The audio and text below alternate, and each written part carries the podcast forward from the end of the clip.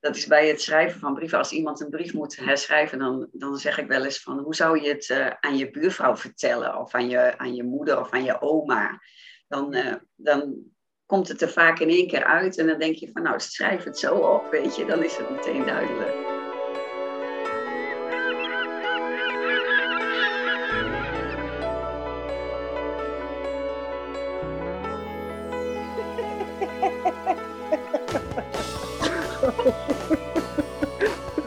Hebben nu al lol, mensen.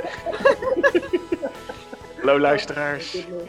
Kwart over negen ochtends een podcast opnemen en dan meteen helder van start gaan. Dat zijn uitdagingen die ik al een tijdje niet meer, uh, niet meer aanga, zeg maar. Goedemorgen, lieve vrienden. Uh, wat bedoel je? de naam van de podcast. Ik moest even lachen, want dat lukt me niet altijd om de titel van deze podcast goed uit mijn mond wat een, uh, wat een goed begin van de dag. Lodewijk, goedemorgen. Goedemorgen.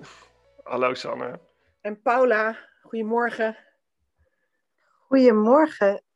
Wat een goed begin weer van de dag. Um, ik zou het iedereen adviseren, beginnen met een podcast uh, aan het begin van de werkdag.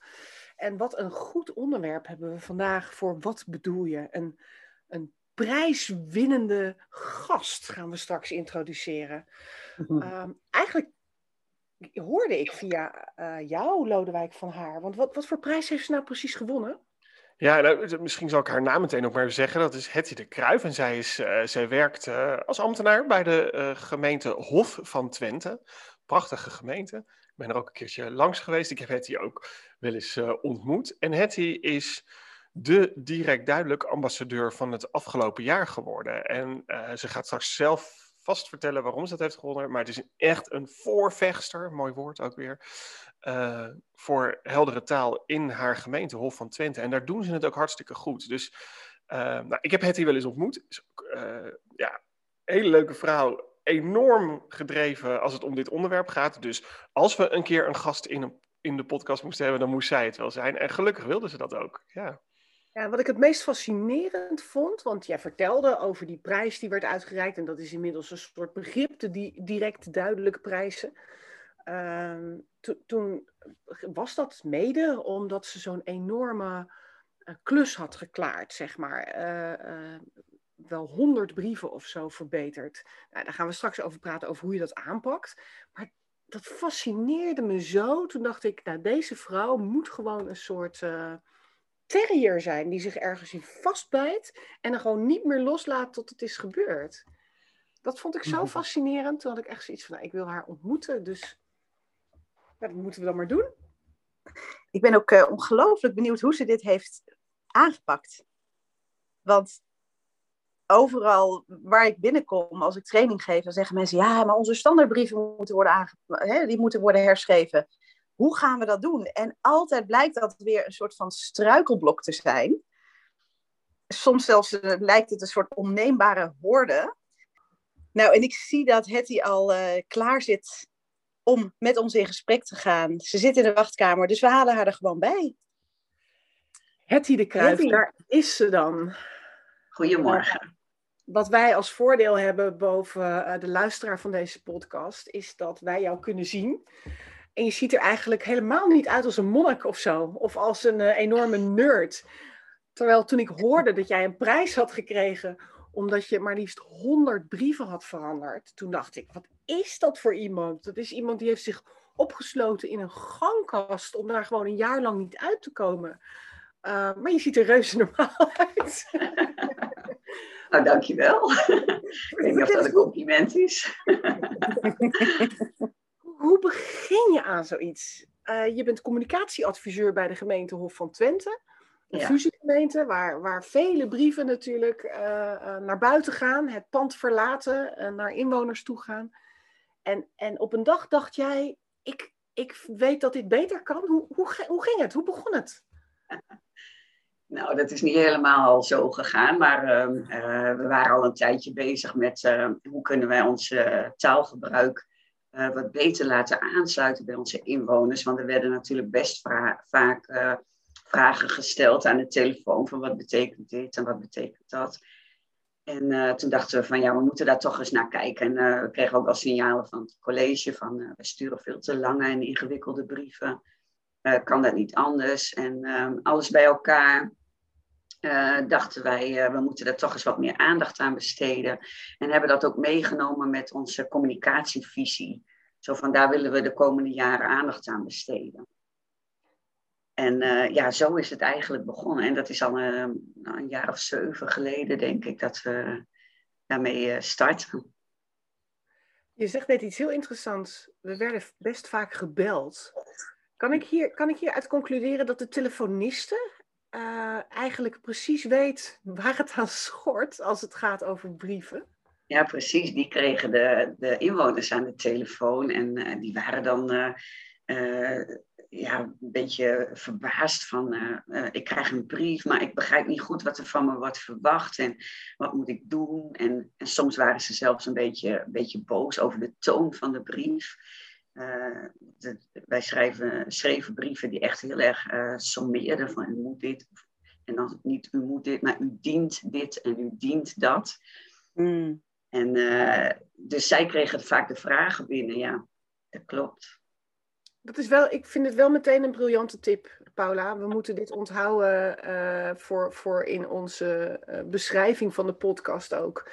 Um, de telefoniste weet waar het aan schort bij ja, de communicatie. Ja. Briljant. Dat, is, dat is de eerste lijn, hè? Dat zijn de eerste die horen wat er misgaat. Ja, ja een mooie tip. Gaan we inderdaad opnemen. Ik heb telefonistes gevraagd om, uh, om mij te informeren wanneer de brieven uitgaan, waar ze veel vragen over krijgen. En we hebben ook wel eens een week lang uh, uh, geturfd. Welke vragen worden er nu gesteld over brieven? Ja. ja, mooi dat je dit zegt. Want um, wat ik heel vaak zie bij organisaties is dat ze wel willen uh, herschrijven. Dat ze wel alle brieven willen aanpassen. Maar dat het vaak zo'n onmogelijk lijkende klus is. Hè, van zo ongelooflijk veel brieven, waar begin je dan? Um, en daar hoor ik jou nu iets over zeggen, namelijk, kijk bijvoorbeeld eens wat, waar de meeste vragen over binnenkomen. Ga turven. Ja. Um, hoe hebben jullie de selectie gemaakt? En, en hoe, welke tips zou je hebben voor de luisteraars om te zeggen, hoe, hoe, hoe begin je nu eigenlijk? Nou, we zijn eigenlijk begonnen met, uh, dit was een van de, van de paden die we ingeslagen zijn, maar we zijn ook begonnen met standaardbrieven. En um, het bleek dat wij ook heel veel standaardbrieven hadden. We hadden bijvoorbeeld van werk en inkomen volgens mij zo'n 150 brieven die als standaardbrieven in een systeem zaten. En toen hebben we gezegd, nou, dat, dat kunnen nooit allemaal standaardbrieven zijn. Uh, uh, laten we eens, eens kijken van welke brieven worden nu het meest verstuurd. En, uh, en laten we dan eens kijken, kunnen we daar een betere brief van maken? En ik heb dat natuurlijk ook niet allemaal alleen gedaan. Ik had gelukkig wat uh, hele enthousiaste collega's die, die mee wilden werken. En we hebben ook wat schrijfcoaches opgeleid. En daar hebben er ook een aantal van in, binnen hun team de belangrijkste brieven herschreven. En vaak keek ik even mee of las, vroegen ze mij van wil je nog even doorlezen? En wil je commentaar geven? Dus het is niet zo dat ik al die honderd brieven zelf herschreven heb. maar je hebt echt de mensen om je heen nodig. En eh, ik heb ook gemerkt wanneer mensen daar zelf mee aan de slag gaan, dat ze heel erg enthousiast worden. Want uh, dan ga je zo'n brief herschrijven en denk je, oh wat leuk is dit om te doen. En ten tweede is het veel duidelijker, uh, vaak veel vriendelijker en krijg je veel minder vragen. Hoe, hoe pak je dat aan? Want ik kan me voorstellen dat als je naar deze podcast luistert, dan doe je dat omdat je geïnteresseerd bent in heldere taal en in goed communiceren. En uh, ik kan me voorstellen dat je denkt, ja, dat is in mijn bedrijf of op mijn afdeling is dat ook zo. Maar wat me zo moeilijk lijkt, is, ja, je wilt niet de enige zijn, niet de roepende in de woestijn. Je, wilt een soort, nou ja, team creëren, draagvlak creëren voor wat jij wilt bereiken. Hoe pak je dat aan? Waar, eh, eh, hoe krijg je collega's mee in dat gevoel van we gaan beter communiceren met de mensen om wie het gaat? Ja, ja dat heeft heel erg met bewustwording te maken. Uh, we, we, hebben, we zijn bijvoorbeeld de straat op gegaan en hebben mensen gevraagd wat ze van onze brieven vonden. Eh, en we hebben ze een oude en een nieuwe versie voorgelegd. En dat hebben we gefilmd met hun toestemming. En hebben we in de, in de organisatie laten zien. Je bent echt letterlijk met brieven de straat opgegaan. Lijkt me, Dat lijkt me eigenlijk al super spannend. Want iemand. Ja, dat heeft is het ook. En ik dacht, ik dacht ook, uh, uh, daar gaan mensen vast geen tijd voor maken. Want ik heb zelf altijd, als ik ga winkelen en ze komen met zo'n enquête, dan denk ik, oh nee, ik ben nu aan het winkelen, daar heb ik geen zin in. maar uh, nee, die mensen waren echt heel erg bereid om even de brieven door te lezen en, en van commentaar te voorzien. En gelukkig kwamen de nieuwe versies altijd veel beter uit de bus. Ja, deze is veel duidelijker en veel vriendelijker. En daar, dat hebben we gefilmd en in de organisatie laten zien. En uh, wat we ook gedaan hebben, is regelmatig op, op uh, intranet een, uh, een oude en een nieuwe versie van een brief laten zien. En de reacties van ons lezerspanel, die legde ik ook terug in de organisatie. Een lezerspanel, wat is dat? Ja. Um, wij hebben een uitnodiging gedaan aan onze inwoners om mee te doen aan een lezerspanel. En ik heb nou zo'n groep, een groep van zo'n tien mensen die eh, helpen om, uh, dan pakken we één of twee brieven bij de kop en die gaan we herschrijven. En zij halen ook de moeilijke woorden eruit. Ik heb een bullshitvel aan de muur hangen en dan mogen zij alle moeilijke woorden opschrijven. Van ze denken, nou, dat... Uh... En hoe vaak doe je dat? Hoe, hoe vaak komt dat panel bijeen? nou, voor coronatijd kwamen we één keer in de maand bij elkaar. Helaas is door corona alles een beetje stil komen te liggen. Ik heb wel uh, zo af en toe dat ik een brief eventjes digitaal stuur en vraag of ze daar uh, een reactie op willen geven. Maar het is natuurlijk veel leuker om dat met elkaar te doen. We maakten er ook een leuke avond van, iets lekkers bij de koffie. En dan uh, en de, ja. mensen zijn ook heel fanatiek hoor. Dan gaan ze met in groepjes, soms doen ze twee groepjes en soms doen we even met elkaar een brief kijken. En het is gewoon heel erg leuk om te doen. Dat is een ontzettend mooie aanpak, Hetty. Ja, ik begrijp, uh, die prijs die heb je echt wel terecht die hebben jullie, of ja, jij terecht gewonnen. ik, vind, ik vind dat lezerspanel ook een, een briljante zet. Dat zou je natuurlijk ook met, met, met, met klanten kunnen doen. Uh, ik kan me ook voorstellen als je een organisatie bent of een, een, een, verzekeraar, ik noem maar wat, dat je dat gewoon in je nieuwsbrief zegt van, uh, of vraagt van wilt u ons helpen met onze communicatie verbeteren? Er zijn ja er zijn vast wel mensen die dat leuk vinden. Want wat voor, wat voor lezers zijn daar eigenlijk op afgekomen? Uh, ja, de, uh, het was echt een uh, doorsnee van heel de gemeente. Er waren mensen die zich aanmelden. De eerste keer had ik wel een grotere groep en waren er ook een paar mannen bij. Maar in de loop van de tijd haakten er ook weer wat mensen af. En dan doe je weer eens een nieuwe oproep, krijg je weer wat nieuwe mensen erbij. En zo'n groepje van tien mensen, dat is eigenlijk net mooi. En, en uh, zelf heel erg leuk om te doen. En wat we ook hebben gedaan is op onze website hebben we onze burgemeester gevraagd of zij een oproep wilde doen aan onze inwoners. Komt u nou een slechte brief tegen of begrijpt u een brief niet van ons, dan, uh, dan kom er mee naar ons toe en dan gaan we ervoor zorgen dat u een betere brief krijgt. Ja, dat zou, dat zou een directeur natuurlijk ook kunnen doen van een, ja, van een instelling of op, ja. internet of op de socials zeggen van uh, heeft u klachten over een brief of, of kan iets beter, meld u zich dan. Ja, ja. zeker. Nou, het, het, de ene uh, tip en het ene het volgt het andere advies op. Um, en uh, Hetty, kun je ons ook een voorbeeld laten zien van een oude brief, zoals de brieven eerst waren en hoe je het nu hebt gedaan, met behulp van onder andere je inwoners natuurlijk. Heb je daar een voorbeeld van? Uh, ja, hier heb ik een uh, oude versie van bijzondere bijstand incidenteel. En dan beginnen we al met geachte heer mevrouw. Dat hebben we in de nieuwe versie, hebben daar beste meneer of mevrouw van gemaakt. Uh, op datum hebben wij uw aanvraag om bijzondere bijstand op grond van de participatiewet ontvangen voor de kosten van. Wij kennen uw incidentele bijzondere bijstand toe voor deze kosten. De hoogte van de bijstand hebben wij bepaald op een bedrag van zoveel euro.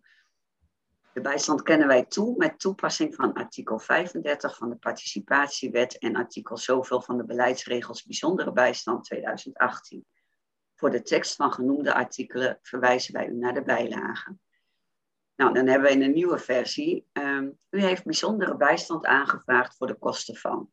U krijgt van ons een bedrag van zoveel euro. In deze brief leest u daar meer over. U heeft aangegeven dat u in de periode van datum tot datum niet voldoende inkomsten heeft om de kosten van. puntje, puntje te betalen. Het zijn noodzakelijke kosten waarvoor u geen vergoeding kunt krijgen uit een andere regeling. Met basis op van de vaststelling heeft u recht op de bijzondere bijstand van puntje, puntje, puntje. Ja.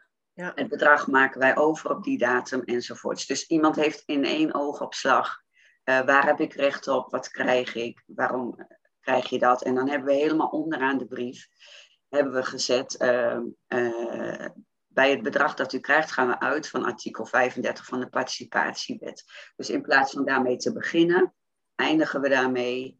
En uh, in eerste instantie dachten we ook, misschien kunnen we dat wel helemaal weglaten uit de brief. Maar uh, sommige mensen hebben juridische bijstand.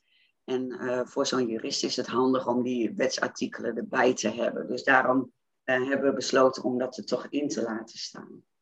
Ja, wat een uh, prachtige verandering ook. Van eh, het, het artikel naar voren duwen in het gezicht van dit is de wetgeving naar dit betekent het voor u.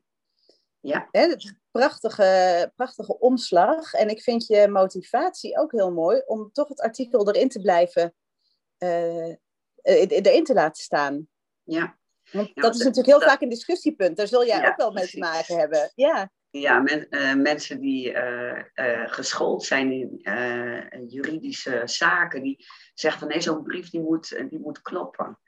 En eh, da- dat moet eh, gebaseerd zijn op de wet en daar mag geen onduidelijkheid over eh, bestaan. Dus vandaar dat we ook hebben gezegd van oké, dan laten we het erin staan. Eh, maar we zetten het dan onderaan de brief. Want voor de mensen zelf, voor de inwoners zelf, is het vaak niet zo interessant. klopt. En mogen wij deze brief ook op de pagina eh, laten zien als voorbeeldbrief? Dat is prima, ik kan hem wel sturen. Ja, Ja, ik denk dat dat heel mooi is. Dan maken we er een download van, zodat iedereen het ook kan zien eh, hoe het exact is geworden. Sanne, heb jij hier ook nog eh, vragen over als inwoner? Ja, nou ja, precies. Nou, de- inwoner staat voorop in die nieuwe brief.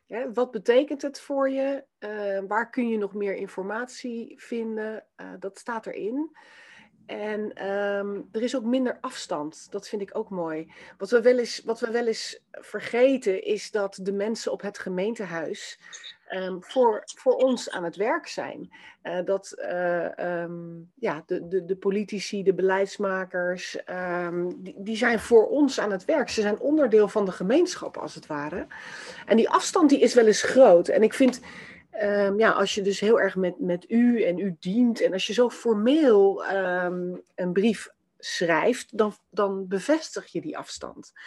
Terwijl wanneer je zegt, nou, u heeft dit gevraagd en eh, u krijgt dat daar en daarom, dan is het veel meer zoals je nou ja, met, een, eh, met een bekende om zou gaan. En het is fijn, denk ik, als je inwoner bent in een gemeente, dat je wordt benaderd alsof je iemand bent die gekend is Ja. ehm, en die serieus genomen wordt. Ja. Dus ik vind, dat, ik vind dat in de toon ook gewoon heel fijn. En Ehm, ik denk ook, hè, je had het net over de telefonistes, die, die dus alle vragen krijgen. Ik denk dat dit ook is wat je aan de telefoon, dit is ook de toon die je aan de telefoon zou eh, gebruiken. Hè, dit is de manier waarop je een gesprek voert. Ja, Ik zeker. denk ook dat dat een interessant uitgangspunt is voor veel communicatie. Natuurlijk ontkom je niet aan, oké, dit is het wetsartikel of dat zijn de kleine lettertjes ehm, die je op de achterkant kunt zetten of onderin of verwijzen naar iets op de website of noem maar op. Maar, eh, dus het moet kloppen, daar heb je helemaal gelijk in, Hetty, maar de toon is gewoon zo belangrijk. Ja, zeker. Ja, als je, als je een brief eh, B1 schrijft, dat is een, een niveau wat de meeste mensen begrijpen, dan wil dat nog niet zeggen dat het een duidelijke brief is. Het heeft ook alles met structuur en opbouw te maken. Ja, klopt inderdaad. En ik zal ook iets, een linkje plaatsen op de pagina over dat taalniveau B1. Ik denk dat veel van onze luisteraars eh, daar wel alles van gehoord hebben. Eh, sommigen misschien ook niet. Ehm, en het is eh, terecht dat je zegt, eh Hetty, het, het is... B1 is ook niet, niet zaligmakend. Hè? Het is niet het, het enige wat er is. B1, ja, dat is ook vaak, daar hebben mensen vaak een beeld bij van, nou, dat zijn alleen maar die eenvoudige woorden gebruiken en dan ben je er. Maar een brief wordt pas echt een goed communicatiemiddel op het moment dat de toon klopt, dat de benadering klopt, dat de structuur logisch is voor iemand. Ja. Ehm, hoe noemen jullie het eigenlijk? Want ik hoor bij veel gemeenten, sommige, soms hoor je de term Jip en Janneke, soms hoor je, nou ja, je hoort allerlei termen. Sommige gemeenten zweren bij B1. Hoe, hoe heet het project bij jullie eigenlijk? Ja, in, in de volksmond noemen we het wel de B1, maar uh, we hebben nu ook uh, vanwege het uh, direct duidelijk deal die we hebben ondertekend, noemen we het ook wel direct duidelijk. Maar ja. iedereen weet wel waar je het over hebt als je het over B1 hebt.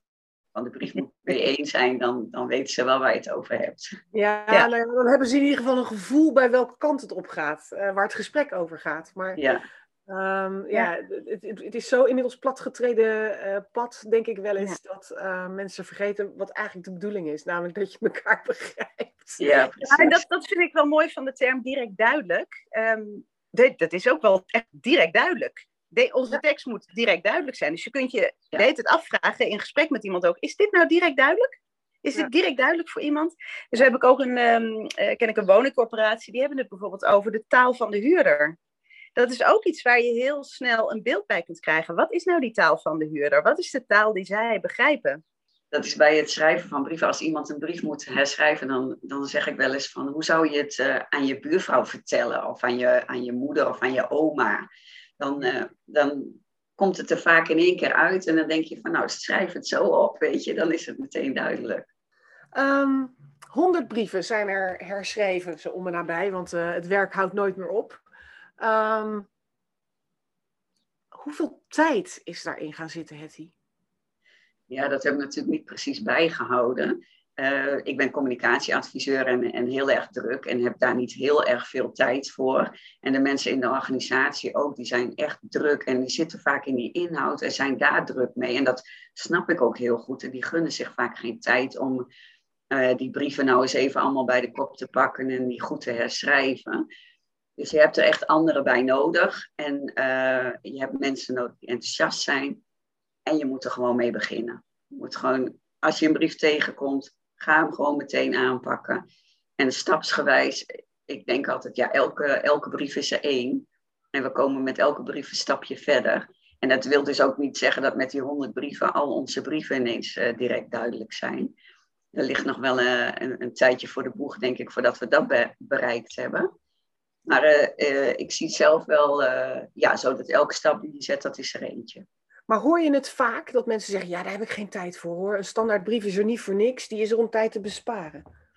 Ja, in het begin vooral was het vaak van, dan kijk je tegen die hele berg aan en dan denk je, oh, als we dat allemaal moeten doen en allemaal naast al dat andere waar je al zo druk mee bent, dan, dan is dat een enorme opgave. Ja, ja ik zodra... denk zelf dat het uiteindelijk ook tijd bespaart. Want ja, het precies. bespaart telefoontjes van inwoners ja. naar de telefonisten. Het, ja. um, het Als je brieven direct duidelijk. duidelijk zijn, dan, uh, dan uh, scheelt het inderdaad telefoon. En, uh, dat bespaart ook tijd, maar dat ziet niet iedereen meteen. Ja. ja, en misschien voelen ook andere mensen het, hè? Dus degene die er tijd insteekt om de brief te herschrijven, die voelt niet direct de tijdwinst. Want die, die persoon voelt niet dat de telefonisten minder werk, minder vragen krijgen. Nee, He, precies. Dus... Dat is ook, ook wel uh, iets. Ja. Daarom uh, ja. vragen wij altijd aan de telefonisten van, mochten, mochten er veel vragen over een brief binnenkomen, uh, meld het dan even. En dan, ja. dan ga ik er wel mee aan de slag. Dan ga ik op pad kijken waar komt die brief vandaan en wat, wat kunnen we eraan doen. Ja, ik denk dat het alweer een enorme stapel tips en, en, en wetenswaardigheden uh, verzameld hebben zo op deze manier, Hetty, door met jou uh, te praten. Um, je bent natuurlijk al uitgebreid gefeliciteerd met, uh, met deze prijs die je hebt gekregen aan het begin van het jaar. Wat ik me nog af, helpt het nou dat jij zo'n prijs hebt gekregen? Krijg je dan extra schouderklopjes of krijg je dan misschien een, nog een hele stapel slechte brieven op je bureau van hier, voor jou? Jij nou bent van direct duidelijk, ja. nou, ik was uh, zelf echt verbaasd over de reacties die je krijgt. Ik ben zelfs de andere gemeentes gebeld van kun je ons tips en trucs geven van hoe je het hebt aangepakt. En ik vond het eigenlijk ook ontzettend leuk. Uh, er is een artikel in de krant geweest, ik ben geïnterviewd en het was echt ontzettend leuk om al die reacties te krijgen. En uh, ja, het geeft uh, ook het ondertekenen van een direct duidelijk deal. Dat helpt je om zo'n project in, uh, in de organisatie aan het rollen te krijgen. Hoor. Dat heeft echt een enorme boost gegeven. En je hebt ook echt, echt het management, de leiding echt nodig om. Die, die, moet je echt mee hebben om, om het goed uit te rollen in de organisatie. En daar echt aandacht voor te krijgen.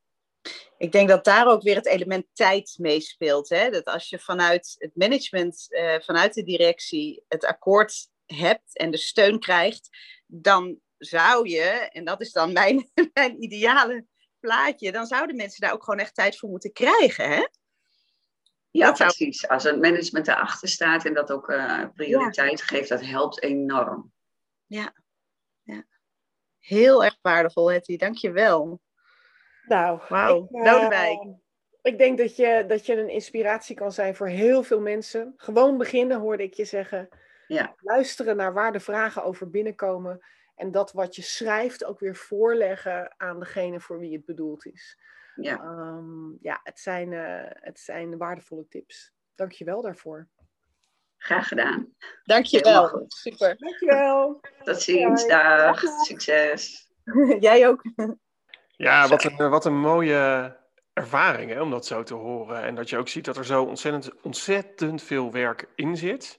Maar wat ik dan zo mooi vind, en daar begon ze eigenlijk mee, is dat ze dan zegt: het geeft zoveel positiviteit en energie als je het gewoon doet en ermee aan de slag gaat. Ja. Ik denk dat dat iets is wat wij alle drie natuurlijk ook wel herkennen. Ik herken het ook. Ik houd het ook al een aantal jaartjes vol met het onderwerp en het verveelt nog steeds niet, omdat het, het levert zo ontzettend veel op. En ja, het kost tijd, het kost investering, het is soms even vechten, het is je management overtuigen, het is heel veel mensen achter je krijgen. En wat ik ook zo mooi vind, wat zij steeds aangeeft, uh, veel mensen om je heen verzamelen die het met jou doen. Je doet dit niet alleen. Ja. Ja, daar wordt het alleen maar leuker van. Ja en, Ja. en wat ik ook wel waardevol vind, is ik kan me zo goed voorstellen dat je eh, wel iets wilt beginnen, wel ergens wilt beginnen, maar dat je niet precies weet hoe. Ehm, eh, maar dat het een kwestie is van gewoon een beginnetje maken en rustig aan voortgaan, zeg maar. Hè? Ja. Even tussen, eh, aan het begin van het gesprek zei hij ook van eh, eh, zeven jaar geleden begonnen we hier. Het is iets van de lange adem. Het hoeft niet in één keer. Het is geen drama als je een week niet een brief aanpast.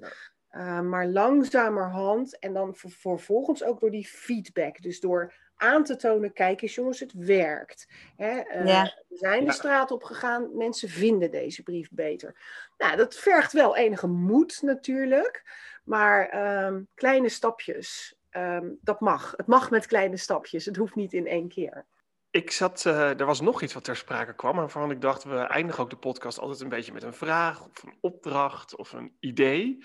En Sanne, jij begon er een beetje over, maar eh, we gingen er niet op door. Maar ik ben gewoon ontzettend benieuwd wat onze luisteraars vinden van de u en jij discussie.